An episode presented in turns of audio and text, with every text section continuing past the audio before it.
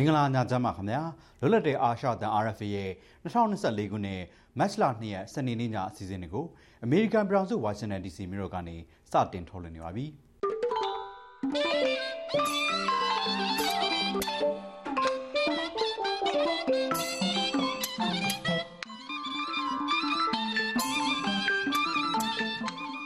ကျွန်တော်ကရဲကောင်မြန်မာပါ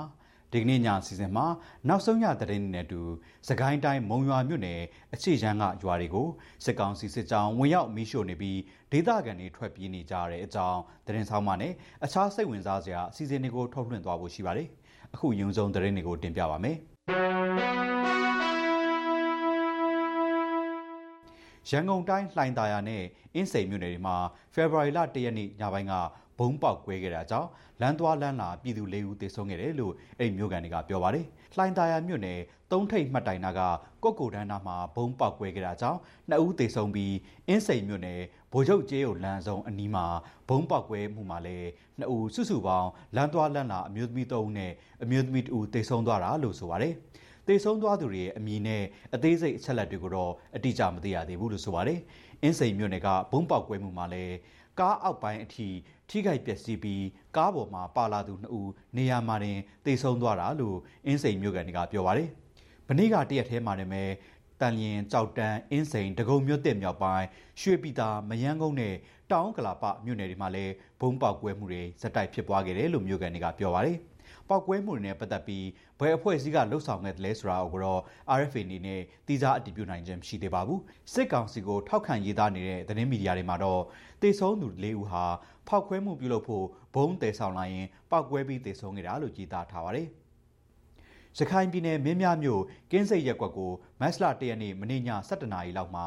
စစ်ကောင်စီတပ်ကဂျက်တိုက်လေယာဉ်တစ်စင်းနဲ့ဘုံကျဲခဲ့တာကြောင့်၄ဦးဒဏ်ရာရခဲ့တယ်လို့ဒေသခံတွေကပြောပါတယ်။စုစုပေါင်းဘုံ၅လုံးကျဲချခဲ့ရမှာ၄ဦးဒဏ်ရာရခဲ့တာဖြစ်ပြီးအဲ့ဒီထက်က2ဦးကတော့ဒဏ်ရာပြင်းထန်တယ်လို့လုံခြုံရေးရအမည်ဖော်လို့တဲ့ဒေသခံတူက RFA ကိုပြောပါတယ်။ ဘုံကြောင့်နေအိမ်တစ်လုံးမီးလောင်ပျက်စီးခဲ့ပြီးအိမ်နှလုံးလည်းပျက်စီးသွားခဲ့တယ်လို့ဆိုပါတယ်။ကျဲချလိုက်တဲ့ဘုံငါးလုံးနဲ့မှာတစ်လုံးကတော့မပေါက်ကွဲပဲကြန့်ရှိနေသေးတယ်လို့ဒေသခံတွေကပြောပါတယ်။ဖေဖော်ဝါရီလ29ရက်နေ့ကလည်းမင်းပြားမြို့နယ်တေကန်ရွာကိုစစ်ကောင်စီတပ်ကဂျက်တိုက်လေယာဉ်နဲ့လာရောက်ဘုံကျဲခဲ့တာကြောင့်ဒေသခံ14ဦးတန်းရခဲ့တယ်လို့အဲ့ဒီရွာကန်တွေကပြောပါတယ်။ဒီကိစ္စတွေနဲ့ပတ်သက်ပြီးတုံ့ပြန်မှုရဖို့စစ်ကောင်စီရဲ့ရခိုင်ပြည်နယ်ပြောဝင်ရသူပြည်နယ်ဥပဒေချုပ်ဦးလှသိန်းကို RFA ကတယ်လီဖုန်းနဲ့ဆက်သွယ်ခဲ့ပေမဲ့ဖုန်းမကင်ပါဘူး။ ရန်ကုန်မြို့အင်းစိန်အကျဉ်းထောင်မှာဖေဖော်ဝါရီလ28ရက်နေ့ကနိုင်ငံရေးကျင်းသား၄ဦးရိုက်နှက်တိုက်ပိတ်ခံထားပြီးဒီကနေ့အချိန်ကြီးစေဝါကုသခွင့်လည်းမရသေးဘူးလို့မြန်မာနိုင်ငံလုံးဆိုင်ရာနိုင်ငံရေးကျင်းသားများကွန်ရက် PPNM ကမက်စလာ2ရက်နေ့မှာထုတ်ပြန်ပါတယ်။နိုင်ငံရေးကျင်းသားကိုထက်ကိုထွေးလေးကိုမြတ်နှုံးမောင်နဲ့ကိုတော်စင်ဦးတို့ကိုထောင်ဘောလုံးဝင်းအနားမှာဘောလုံးကစားနေတဲ့အချိန်စကားများရန်ဖြစ်တယ်ဆိုတဲ့အကြောင်းပြချက်နဲ့ထောင်ဝန်ထမ်းတွေနဲ့နှစ်ကြီးအကျဉ်းသားအချို့ကဝိုင်းဝန်းပြီးရိုက်နှက်ကြတာလို့ဆိုပါတယ်။ အခုလိုအကျဉ်းသားတွေရိုက်နှက်တိုက်ပိတ်ခံထားပြီးစေဝါကုသခွင့်မရတာနဲ့ပတ်သက်လို့အသေးစိတ်သိနိုင်မှုစစ်ကောင်စီရဲ့အကျဉ်းဦးစီးဌာနပြောရေးဆိုခွင့်ရှိသူဦးနိုင်ဝင်းကို RFA ကတယ်လီဖုန်းနဲ့ဆက်သွယ်ခဲ့ပေမဲ့ဖုန်းမကင်ပါဘူး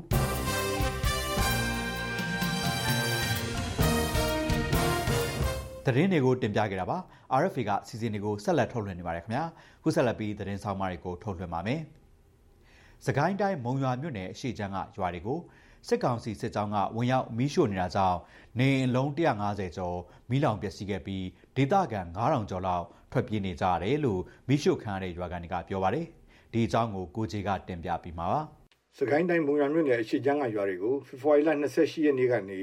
မတ်လ1ရက်နေ့အထိစစ်ကောင်စီတပ်စစ်ကြောင်းဝင်ရောက်စီးနင်းမီးရှို့နေတာကြောင့်နေအိမ်150ကျော်မီးလောင်ပျက်စီးခဲ့ပြီးဒေသခံ9000ကျော်အိုးအိမ်ဆွန့်ခွာထွက်ပြေးနေရတယ်လို့မီးရှို့ခံရတဲ့ရွာတွေကပြောပါတယ်။ မီးရှို့ခံရတဲ့ရွာ၃ရွာကအင်ဂျီ158လုံးဖြစ်ပါတယ်။အင်အား90ခန်းရှိတဲ့စစ်ကြောင်းဟာ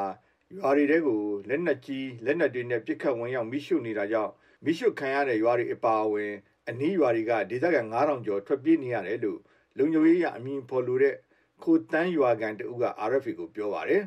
ဇက်တိုက်ဇက်တိုက်ရှို့တာတရက်မှမနာဘူး။28ကနေစရှို့တာ28 29ဒီနေ့၄ရက်ဇက်တိုက်ကျွန်တော်တို့တောင်းလျှောက်ကြောင်တိတ်နေကြရတာ40နဲ့ပြည့်ဝင်တာဗျ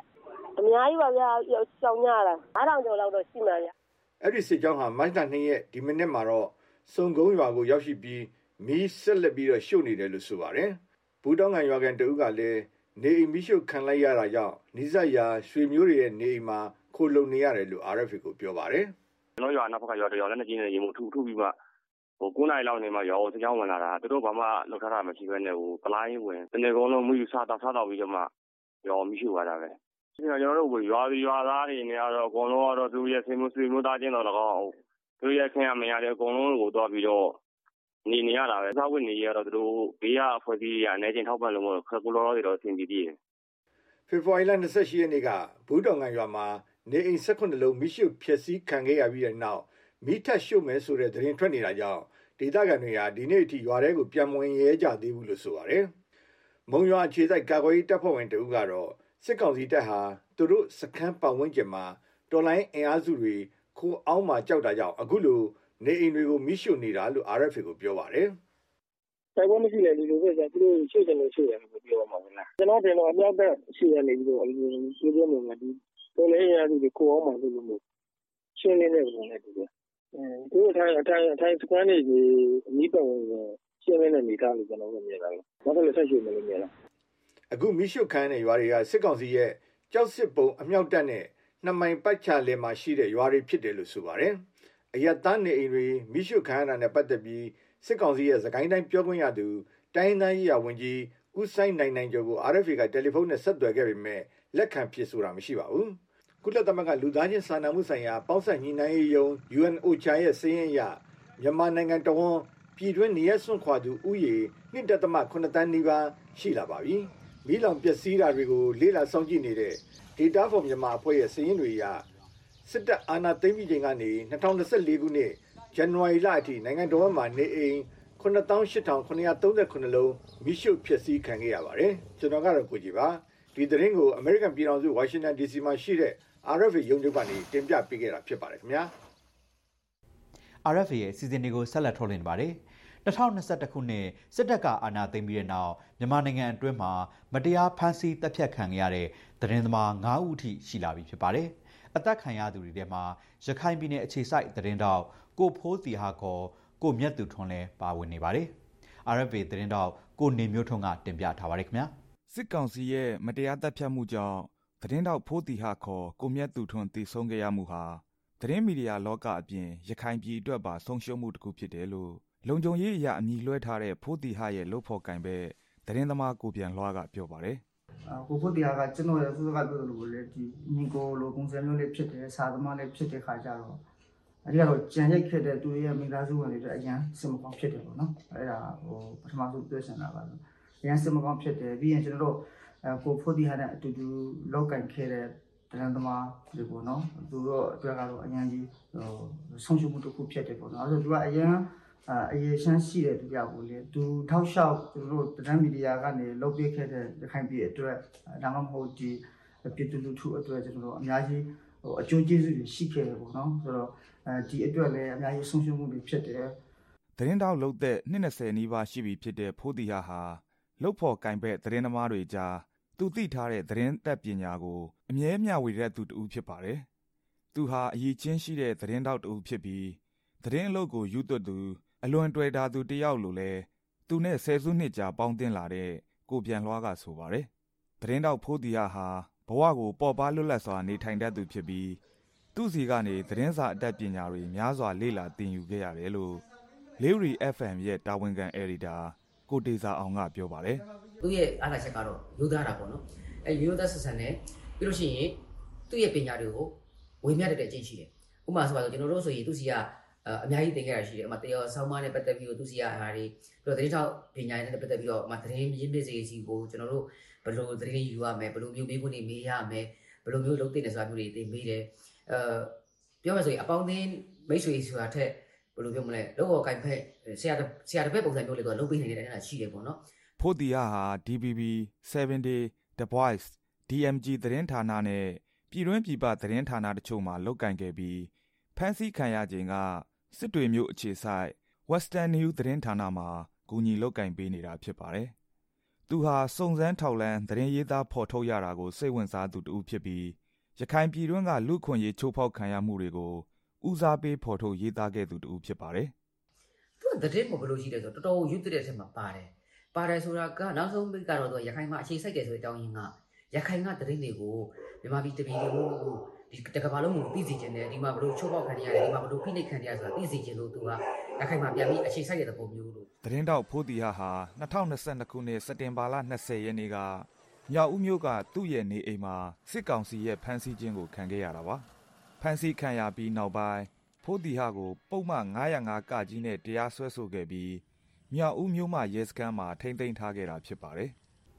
RFA ရဲ့စီစဉ်တွေကိုဆက်လက်ထုတ်လွှင့်နေပါတယ်။ခုဆက်လက်ပြီးပြည်ပသတင်းမီဒီယာတွေမှာမြန်မာနိုင်ငံအကြောင်းရေးသားချက်တွေကိုကောက်နှုတ်ချက်အစီအစဉ်ကိုထုတ်လွှင့်ပါမယ်။အခုဒီပတ်မှာမြန်မာနိုင်ငံမှာတော်လိုင်းအင်အားစုတွေအောင်ပွဲခံနိုင်မှုအခုရက်ပိုပြီးကူညီပေးဖို့အတွက်အမေရိကန်နိုင်ငံကိုတိုက်တွန်းထားတဲ့ The Washington Post သတင်းစာရဲ့အာဘော်ဆောင်းပါနဲ့တော်လိုင်းအင်အားစုတွေကိုဘလို့နေရာမှာကူညီအားပေးတဲ့လဲဆိုတာထောက်ပြထားတဲ့ The Hill သတင်းစာရဲ့အာဘော်ဆောင်းပါတွေကိုကျွန်တော်ကပဲတင်ပြထားပါတယ်။အခုပထမဆုံး အမေရိကန်နိုင်ငံသားအကူအညီပေးမယ်ဆိုရင်မြန်မာနိုင်ငံအတွက်ကောင်းမွန်တဲ့အနာဂတ်ဖြစ်လာနိုင်ပါတယ်ဆိုတဲ့ခေါင်းစဉ်နဲ့ Washington Post သတင်းစာမှာ February လ23ရက်နေ့ကဖော်ပြခဲ့တဲ့ Editor အာဘော်ဆောင်းပါးကိုတင်ပြပါမယ်။မြန်မာစစ်တပ်ဟာခုချိန်မှာ စစ်တပ်ကအာဏာသိမ်းတာကိုဆန့်ကျင်တိုက်ခိုက်နေတဲ့တပ်ဖွဲ့တွေကြောင့်ဆုတ်ခွာပြီးရင်ဆုတ်ခွာနေရပါတယ်။ဒါပေမဲ့လည်းမြန်မာစစ်တပ်ဟာတေချာပေါက်ပြိုလဲတော့မဲ့အခြေအနေတော့မရောက်သေးပါဘူး။မြန်မာစစ်တပ်ရဲ့မြေပြင်တပ်တွေဟာကြဆုံးနေမဲ့အယက်သားပြည်သူတွေကိုထိခိုက်ဒေကျေစေပြီးစစ်ရာဇဝတ်မှုမြောက်တဲ့လေကြောင်းတိုက်ခိုက်မှုတွေကိုဆက်လုပ်နေပါတယ်။ခုချိန်မှာယူကရိန်းစစ်ပွဲနဲ့ဂါဇာအရေးခင်းနေကြောင်းလုံးမန်းနေရတဲ့ကဘာကြီးကတော့မြန်မာနိုင်ငံကပြည်ပခါတွေကိုသတိမထားမိလောက်ဖြစ်နေပါတယ်။ အမေရိကန်ပြည်ထောင်စုအနေနဲ့ကတော့ မြန်မာနိုင်ငံက ပြည်တွင်းစစ် ကောင်းကောင်းမွန်မွန် အဆုံးသတ်သွားဖို့ လုပ်ပေးနိုင်တာတွေ လုပ်ပေးခဲ့ပါတယ်။အမေရိကန်နိုင်ငံအနေနဲ့ အပြောင်းလဲဖြစ်လာအောင် ခုရက်ပို့ပြီး လုပ်လို့ရတာတွေ ရှိနေပါသေးတယ်လို့ ဆောင်းပါကဆိုပါတယ်။ဂျိုးဘိုင်ဒန်အစိုးရအနေနဲ့ NUG အနေနဲ့ကော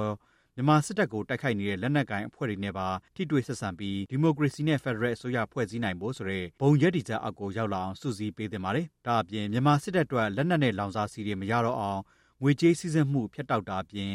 စစ်အာဏာရှင်ကိုတိုက်နေတဲ့အဖွဲ့တွေအနိုင်ရဖို့ဘလို့အကူအညီတွေလိုအပ်မလဲဆိုတာလဲနားထောင်သင့်ပါတယ်။ဒါအပြင်ဘာမာအက်ဥပဒေမှာခြံလက်ခဲ့တဲ့မြန်မာနိုင်ငံဒီမိုကရေစီရေးအတွက်အမေရိကန်အစိုးရရဲ့အထူးစိတ်ဆက်ညှိနှိုင်းရေးမှူးတူ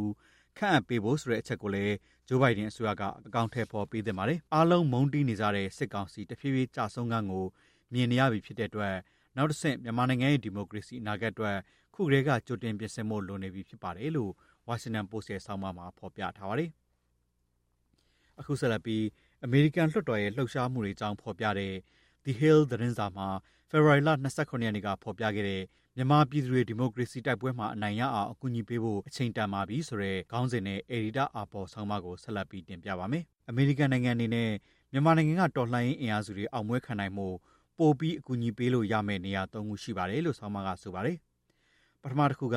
တရုတ်နိုင်ငံနဲ့စိစက်ညှိနှိုင်းပေးဖို့ဖြစ်ပါတယ်။တရုတ်ဆိုရဟာ အာနာသိန်းစစ်တပ်ကိုထောက်ခံတဲ့ရည်တည်ချက်ရှိခဲ့ပေမဲ့ခုနောက်ပိုင်းမှာသဘောထားပြောင်းလာပါတယ်။တော်လှန်ရေးအင်အားစုတွေကိုအားပေးကူညီဖို့အမေရိကန်နဲ့တရုတ်နိုင်ငံသဘောထားချင်းတူသွားတဲ့အခိုက်အတန့်ကိုအကောင်းဆုံးအသုံးချဖို့လိုပါတယ်။နောက်ပြီးအမေရိကန်ကနေကူညီပေးလို့ရမယ့်ဒုတိယနေရာကတော့ Burma Act ဥပဒေအရတော်လှန်ရေးအင်အားစုတွေအတွက်လက်နက်မဟုတ်တဲ့အကူအညီတွေပေးနိုင်တဲ့အကူအညီအလုံးပေးရသွားဖို့ဖြစ်ပါတယ်။သူပြင်စစ်မြေပြင်သုံးအကာအကွယ်ပစ္စည်းတွေထောက်လှမ်းရေးဒရုန်းယာဉ်တွေနဲ့ဆေးဝါးပစ္စည်းလိုအကူအညီတွေကိုပေးရနိုင်မယ်ဆိုရင် တော်လှန်ရေးအင်အားစုတွေအောင်ပွဲခံနိုင်မှုထိရောက်တဲ့အကူအညီတွေဖြစ်လာမှာဖြစ်ပါတယ်။တတိယအနေနဲ့မြန်မာနိုင်ငံမှာအနာဂတ်ဖက်ဒရယ်ဒီမိုကရေစီနိုင်ငံတည်ထောင်မှုအတွက် NUG နဲ့တိုင်းရင်းသားတော်လှန်ရေးအဖွဲ့တွေကိုလိုအပ်တဲ့အကူအညီတွေပေးအပ်ဖို့ဖြစ်ပါတယ်။အခုဆိုရင်မြန်မာပြည်သူတွေဟာဒီမိုကရေစီပြန်ရဖို့တိုက်ပွဲဝင်ရမှာအောင်မြင်မှုတွေရနေပြီးဒီတက်မကအောင်မြင်အောင်လို့အမေရိကန်နိုင်ငံအနေနဲ့ကူညီပေးနိုင်ပါတယ်။ကူညီလဲကူညီပေးသင့်ပါတယ်လို့ The Hill သတင်းစာရဲ့ editor အာဘော်ဆောင်းပါးမှာဖော်ပြထားတဲ့အကြောင်းတင်ပြလိုက်ရပါတယ်ခင်ဗျာ။ ဒီစီစဉ်နဲ့ပဲစနေညချမ်း RFA ရဲ့အတန်လွှင့်ချက်တွေကိုရန်နာခွင့်ပြုပါကြည့်ရှုနားဆင်တဲ့အတွက်လည်းကျေးဇူးတင်ပါတယ်ခင်ဗျာ